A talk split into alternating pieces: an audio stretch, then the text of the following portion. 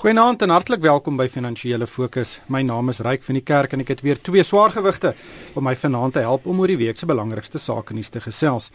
Magnus Huystek is die hoof van Brentus Wealth en hy gesels uit Duinfin in Johannesburg. Goeienaand Magnus. Goeienaand Ryk.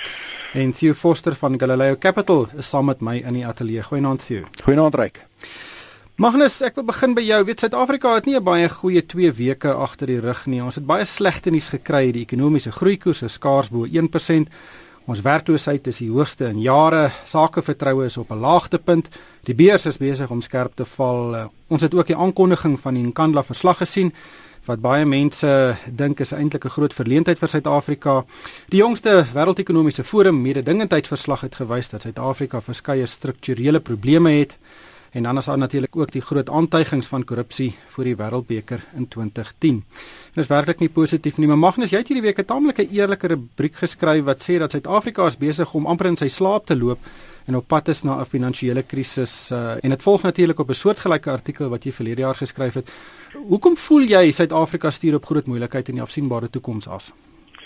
Dit is baie moeilik om hierdie artikels te skryf, maar mens moet as 'n waarnemer van die ekonomiese en politieke situasie moet jy jy jy moet skryf wat jy sien. Uh ongelukkig is dit die voortsetting van 'n probleem wat die afgelope jare al kom, maar die spoed daarvan tel op en ons begin nou die gevolge te sien, finansiële gevolge te sien van besluite en, en natuurlik ook makro-ekonomiese situasies wat teen ons is en en dit dit lyk asof die politici, die leiers, president Zuma en sy kabinet sien eenvoudig net nie die rooi ligte aan die engine wat wat aanhoudend rooi is nie en en hulle ignoreer dit. So ons is besig om daadwerklik nou reeds jy het nou al daai faktore genoem. Daar is 'n ekonomiese krisis op pad en baie kortliks ons ekonomie groei nie naaste by waar dit moet wees nie, maar ons bestedingsbeplanning en ook 'n werklike besteding hou net voort asof daar niks verkeerd is met die ekonomie nie en ek dink dis waar ons in die slaggat gaan traf. Sjoe, wat is jou siening? Ek dink ons het 'n eh, die een syfer wat skokkend was en ek dink mense moet dit sien teen die agtergrond. Suid-Afrika het en dis die dis die die amper die klad op enige iets wat wat 'n mens sien in Suid-Afrika. Ons het basies 8 miljoen mense wat ons nie kan werk gee nie. 5.5 miljoen mense wat werk soek wat nie bestaan nie en 2.5 miljoen ouens wat ophou soek. So ons sit in daai teen daai agtergrond en dan begin jy vra maar hoekom is hier nie ekonomiese aktiwiteit? Hoekom gaan ons nie vorentoe nie? En is amper asof dit hierdie amper soos die Engelse sê 'n own goal is. Dis amper asof ons nie die klimaat wil skep om regtig vorentoe te gaan. En nou moet jy gaan vra, wat is nodig om daai klimaat te skep? En hier sluit ek aan met met Magnus se artikel. As jy werklik wil hê 'n ekonomie moet groei, dan moet jy 'n paar basiese goed in plek kry. Jy moet nommer 1, moet daar sekerheid wees oor eiendomsreg. Jy moet weet wat jy besit en wat jy kan gebruik. En daai eiendomsreg bedoel ek nie net harde eiendomsreg nie. Ek bedoel intellektuele eiendomsreg, patentereg, 'n uh, handelsmerke. Nou ja, dit moet spesifiek in plek wees. En tweedens, die owerheid moet die vertroue gee dat hy die infrastruktuur daar gaan sit sodat mense werklik hulle geld wil belê, hulle talente wil aanwend in die land wil groei. Nou die probleem is as daai elemente die heeltyd aangetorring word, dan onthou die wêreld is baie meer mobiel. Mense handel gaan wêreldwyd. Mense skuif rond en dan s jou eenvoudige ding is, dan kyk jy na die Suid-Afrikaanse situasie en jy sê maar wag so 'n bietjie, is daar nie 'n beter risiko-opbrengsverhouding in die res van die wêreld gegee waar ons staan nie? En hoe meer van hierdie artikels uitkom en hoe meer negatiewe nuus uitkom, hoe meer begin daai vertroue 'n demping vat. Matthew, daar's uh, weet dit is geen siening dat ekonomiese groei gaan Suid-Afrika red, maar daar's ook 'n siening binne die ANC is dat daar nie inklusiewe groei in Suid-Afrika is nie en daarom is ekonomiese groei nie so belangrik nie. En inklusiewe groei beteken natuurlik as die ekonomie groei moet dit baie meer mense bevoordeel as wat tans die geval is. Ryk, dis verseker die die hoogwatermerk. Jy wil groei wat meer mense bereik, maar jou probleem is as jy nie vir 'n begin die groei kry nie. As jy nie uit die blokke uitkom nie, dan kan jy nie iets verdeel nie. Jy kan nie deur meer te belasse ekonomie aan die groei kry nie. Jy kan nie deur die koek verder te sny die koek groter kry nie. Jy moet die beginsels in plek hê dat die beleggingsvertroue daar's dat jy hierdie ding vorentoe kan beweeg. Dan kan jy herverdeel. Kyk hoe baie vinnig politieke ongemak wegval, verdwyn as 'n ekonomie groei, as werk geskep word, as mense 'n toekoms sien, as daar hoop is. En dis die probleem wat nie daar is nie. Magnus, wat is die kernrede vir die probleme wat ons tans het? Is daar een rede? Is dit leierskap of is daar ander redes ook? Dis leierskap en ideologie. Ek dink hoe meer die staat inmeng en soos en soos uh, sê hulle torring aan baie baie belangrike fundamentele wette in die ekonomie en samelewing soos uh, grond en, en eienaarskap waar die staat inmeng is hulle besig om geweldig droog te maak. Hierdie voorbeeld wat nou net ontplof het hierdie week van die visumregulasies is maar net een van baie voorbeelde. En die staat en as jy as jy die die dokumente lees van die ANC op hulle webblad en en en COSATU en die kommunistiese party sien dan mense net die toenemende inmenging in die ekonomie op 'n makroskaal, op 'n mikroskaal en jy sit er net, jy weet die die die private sektor, die koöperatiewe sektor sit met 750 miljard rand in hulle rekeninge. Hulle het eintlik opgehou investeer in Suid-Afrika. Die geld is daar. Maar die syne wat hulle van die regering kry is so negatief. Die mense sê eenvoudig net ons belê eerder in Kenia, Nigerië, Australië, soos Christowiese nou in Engeland weer. Ons vertrou net nie wat die regering se langtermynbeplanning is nie en, en dit is hoekom daar 'n krisis gaan wees. Soos Theo sê, dit is onwerklik om te sê daar's amper 12 miljoen mense wat nie werk het nie. Dit dit is mos 'n uh, sosio-politieke tydbom wat wag om te bars. En die klein sektor mense wat nog steeds in diens is en wat die, die hele belastinglas dra, daai laaste strooihalm op die op die kameel se rug letterlik is is baie baie naby. Hmm. Jy dink dat ons op pad is na 'n tipe van 'n afgrond toe dat daar baie skielik uh ek wil nou nie die woord revolusie gebruik nie, maar uh, weet 'n imploffing gaan wees of 'n dramatiese finansiële verandering gaan intree eerder as wat dit 'n geleidelike verswakking gaan wees. Ek dink daar gaan eensklaps 'n besef wees dat die geld is net besig om op te raak. Die die die verhoging van staatsdienssalarisse onlangs se ekstra 66 miljard rand en dan sien die planne van die staat vir nasionale gesondheidsorg en kernprobleme daar is eenvoudig net nie die geld nie en dan begin die die die temptasie om geld te druk en dit is wanneer jy baie vinnig gaan sien daar is nie meer geld nie en dan besef ons ons het 'n krisis. Professor Janie Rousseau van die Universiteit van Witse Sakeskool skryf al geruime tyd daaroor dat ons afstuur op 'n op 'n fiskale afgrond. Die regering bly sien sien eenvoudig nie dit net nie so nie. Sjoe. Ja, die vertrekpunt is 'n mens hoop dat iewers gaan die ekonomie basies bepaal wat gebeur. En uiteindelik sal ons moet iewers ter besef kry by die regering dat dit kan nie so aangaan nie. Ek dink die toekoms in Suid-Afrika gaan geskep word deur die opkomende swart middelklas. En as jy baie mooi daarna kyk is, dis reeds amper 50% van ons middelklas en dit het, het gekom van iets soos 350 000 en is nou hier rondom 3-4 miljoen mense. Dit sal die verandering moet bring want dis mense wat eenvoudig glo in die toekoms van Suid-Afrika en wat geen ander keuse het nie. Maar ja, ek dink een of ander tyd gaan die regering 'n baie belangrike besluit moet kom en hopelik gaan ons by 'n punt kom waar die regering die regte besluit gaan maak, want ons kom al nader aan daai punt. Maar sien van nou iemand soos ek, ek is uh, eh, 40 jaar oud, ek het al my geld in Suid-Afrika deur pensioenfonde belê en aftreeanniteite. Wat moet ek nou doen om my finansiële beplanning te verbeter? Ek dink daar's 'n paar elemente. Onthou, jy die afgelope 10 jaar of jy nou 'n uh, in 'n pensioenfonds belê en 'n groeifonds belê. Jy het die afgelope 10 jaar besonder goed gedoen. Jy het iets soos gemiddeld 17.5% per jaar uit die JSE gekry. Dit was fenominale groei. So jy het eintlik groei in die toekoms gaan leen. Wat jy moet besef is dat hierdie groei gaan jy eendag van tyd moet teruggee as jy in die Suid-Afrikaanse mark bly. Die afgelope 12 maande in die mark vir jou soos 8.5% gegee. Dis meer die tipe groei wat jy gaan kry in die volgende klompe jare gegee word die waarderingsvlakke.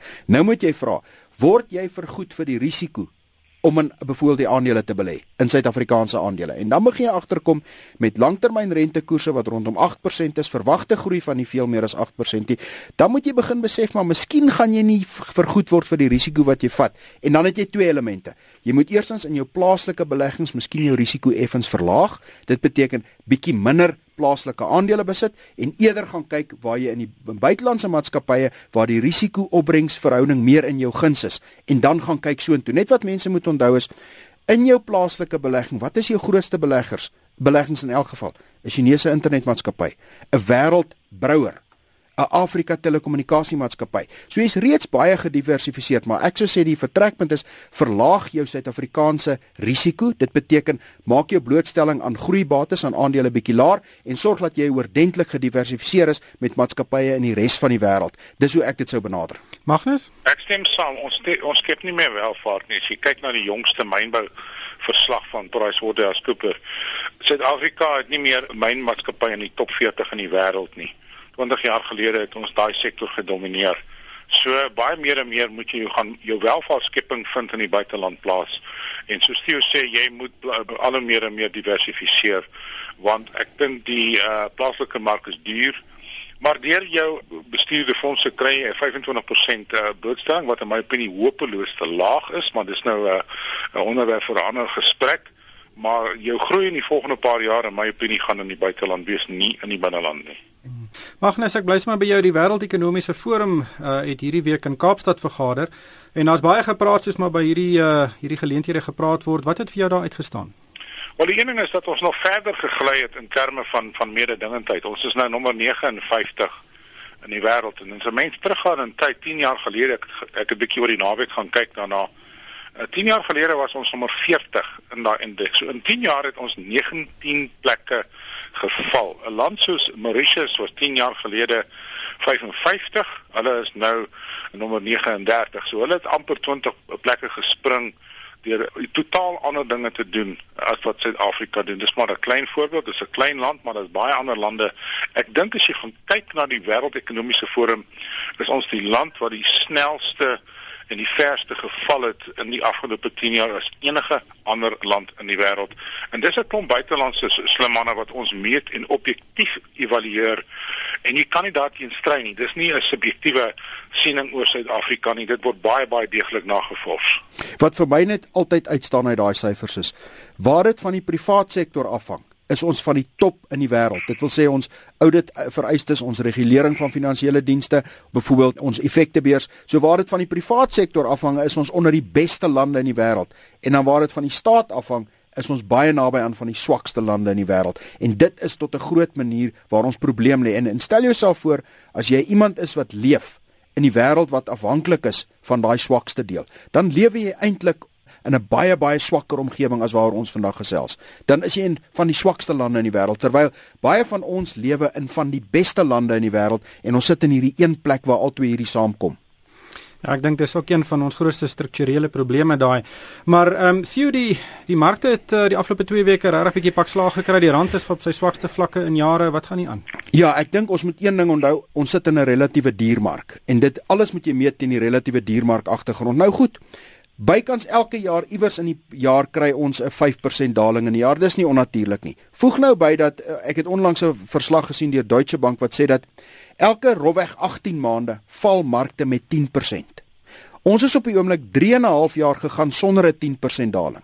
Dis sedert 1960 die derde langste periode sonder 'n 10% daling. So eintlik wat 'n mens moet verwag is dis nie of dit gaan gebeur nie, is wanneer ons gaan gebeur. So hierdie tipe van wisselvalligheid gaan jy kry veral as jy in 'n duur agtergrondomgewing is. Voeg nou al hierdie onsekerheid by, dan moet 'n mens nie ons uh, ongemaklik wees as jy 'n 10% daling kry nie. Dis natuurlike markbewegings. Ons het 'n baie goeie 5 en 10 jaar agter die rug, die goed gaan moet gebeur. As jy geld in die buiteland gehad het as deel van jou portefeulje, ek het toevallig daarna gekyk in die afgelope dae, dan het jy jou opbrengste uh, dis baie beskerm en trouens die afgelope 3 maande is van jou buitelandse fondse wat in SA genoteer is op met 'n 10-15% wat wat hierdie pyn bietjie versag op die aandele wat gedaal het in Suid-Afrika. So dit is uh, nog 'n voorbeeld van hoe buitelandse diversifikasie jou opbrengste kan beskerm. Hmm. Magnus, rand, hoe lees jy die rand? Ek is negatief vir die rand en ek is al jare negatief vir die rand en, want ons is 'n kommoditeitsland en as die kommoditeite sektor draai, as daai siklus draai teen ons en daar's baie redes daarvoor China en ander faktore, dan gaan dan kry ons pak sla. En totdat totdat daai siklus nie draai nie, gaan die rand aanhou gly en as ons nog 'n kredietafgradering kry, dan gaan hy nog verder gly. So ek eh, ek is aan die negatiewe kant. Ek sien 'n rand einde van die jaar 13 13.50 teen die dollar meer as 20 teen die pond. So daai manne wat rugby wil gaan kyk uh, met my baie vinnig hulle rugby kaartjies koop van dit gaan net duurder wees hier teen September in my opinie. Sien, dink jy ons kan nakom met die rand teen einde van die jaar? Wel ek dink om 'n geldeenheid in 6 of 12 maande vooruit te skat is besonder moeilik. Ek dink waar ek saamstem met die langtermyn, definitief is die faktore dat die land gaan verswak oor die lange periode van tyd, maar om 'n korttermyn voorspelling te maak is bitter moeilik en jou risiko is dat die rand kan in 3 of 6 of 12 maande kan aan enige kant toe gaan. Ek dink aan die langer termyn is dit wel dat die rand gaan verswak, maar ek eh, om te sê of dit of dit 21, 20 of 19 gaan wees, dis baie moeilik. Magnus net laastens Eerste Nasionale Bank het hierdie week aangekondig hy gaan sy eie selfoonnetwerk begin en die netwerk gaan nou ry op Celsius se netwerk. Uh, dink jy die selfoonnetwerke se broeke bewe?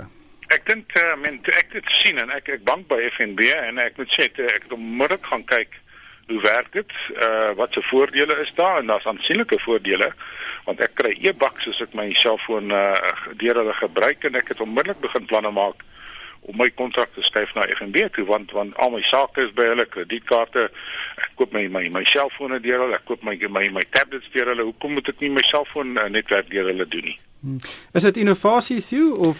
Dis verseker innovasie en ek dink hierdie gaan een van daai innovasies wees wat die huidige stand gaan omkrap dit gaan verseker nie dieselfde wees oor 5 of oor 10 jaar nie en ek dink jy gaan al meer toetreders skryf wat op ander maniere gaan inkom. Verseker is dit innovasie, hoe suksesvol dit gaan wees, wat die pryse gaan wees of die ander gaan volg, dit sal tyd leer, maar hierdie is die tipe van goed wat jy nodig het in 'n kompeterende omgewing om markte van tyd tot tyd van rigting te laat verander. Ongelukkig is dit alwaar vir ons tyd het vanaand. Baie dankie aan Theo Forster van Galileo Capital en Magnus Huystek van Brentes. Dankie meneere. Ja, goeie nag vir julle albei. Daar's hy goeie aand. En van my ryk van die kerk, dankie vir die saamluister en ook op almal het 'n winsgewende week.